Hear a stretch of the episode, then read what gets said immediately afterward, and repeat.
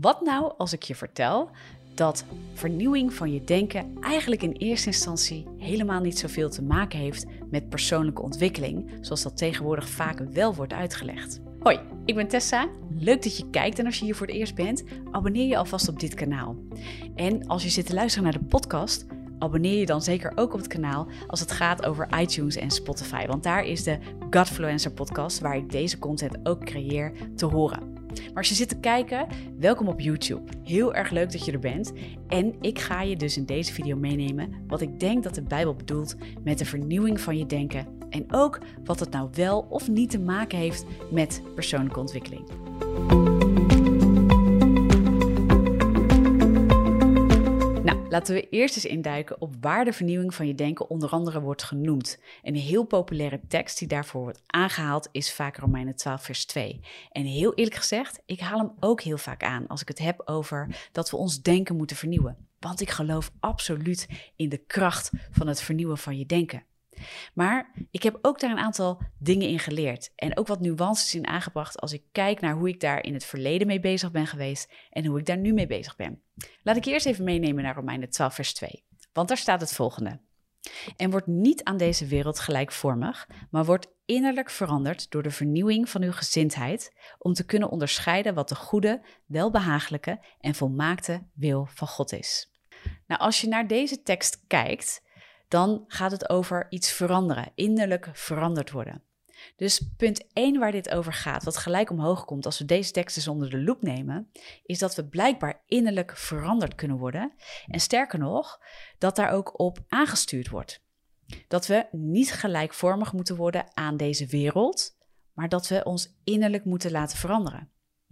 Waar heeft Paulus het over als hij het heeft over innerlijk worden veranderd en waarom moet dat?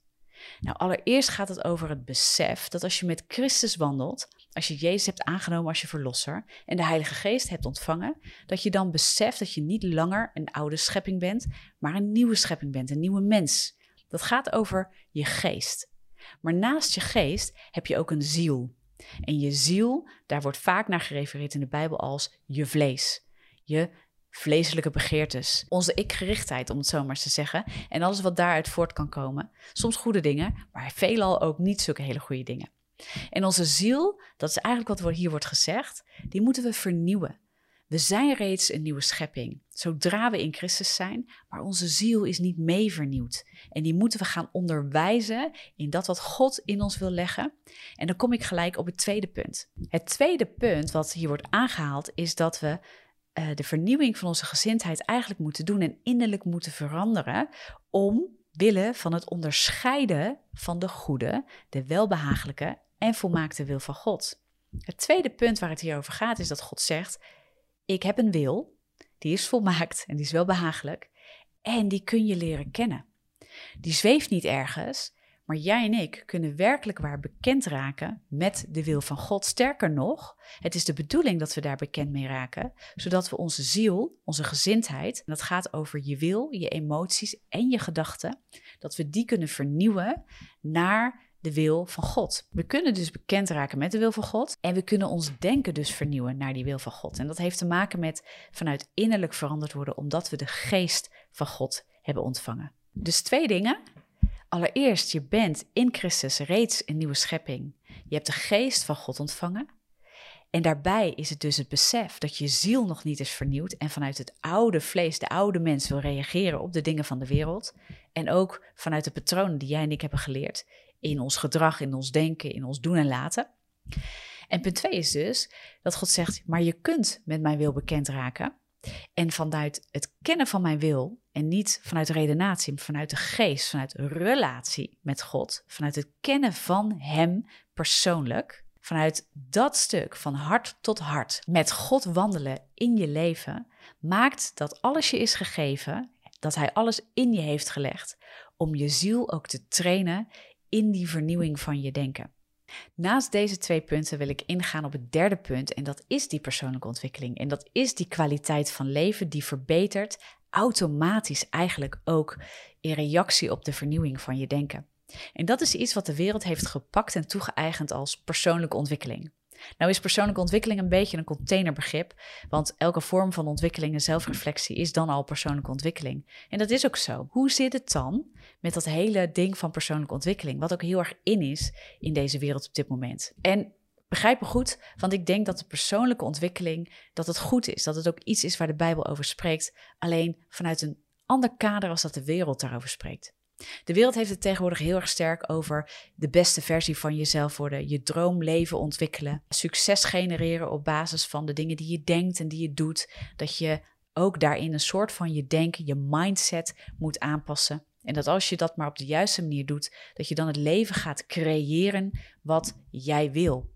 De wereld pakt deze principes, hebben God eigenlijk geëlimineerd daaruit als zijnde de kern van alles, de bron van alles, maken jou tot de kern van alles en zorgen ervoor dat je dan een soort boodschap krijgt die gaat om jou en dat wat jij als invulling wil voor jouw leven. De wereld predikt dus niet het leren kennen van de wil van God, maar het leren kennen van jezelf en jezelf daarin omhoog werken door goede werken.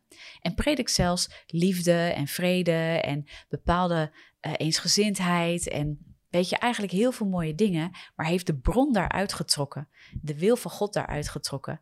En het lijkt erop alsof wij zelf een hele mooie wereld en een heel mooi leven kunnen creëren. En dan eigenlijk tot een soort zelfverlichting komen. Sterker nog, tegenwoordig wordt heel veel persoonlijke ontwikkeling steeds meer gecombineerd met spiritualiteit. Het is heel erg in om spiritueel jezelf te ontwikkelen. Daarbij draait het ten diepste heel erg om jou, om mij. Het is heel erg ik-gerichte boodschap waarbij dat wordt ingepakt met liefde en een hoger doel hebben. En best wel veel mooie boodschappen, die in zichzelf ook niet allemaal gelijk verkeerd zijn, maar die de bron missen. En vanuit God gezien is dat niet het doel. Het doel is niet dat jij de beste versie van jezelf wordt, maar dat je bekend raakt met wie jij bent in Christus.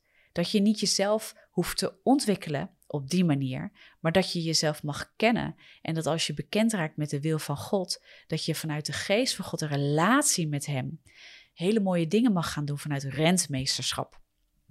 Rentmeesterschap betekent dat je volledig en 100% verantwoordelijkheid neemt voor dat wat God jou heeft toevertrouwd.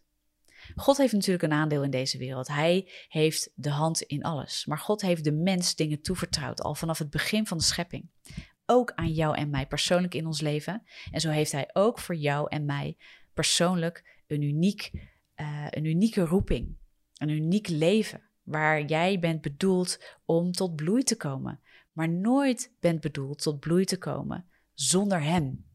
Maar dat is wel wat de wereld predikt: dat je de beste versie van jezelf kunt zijn zonder Hem.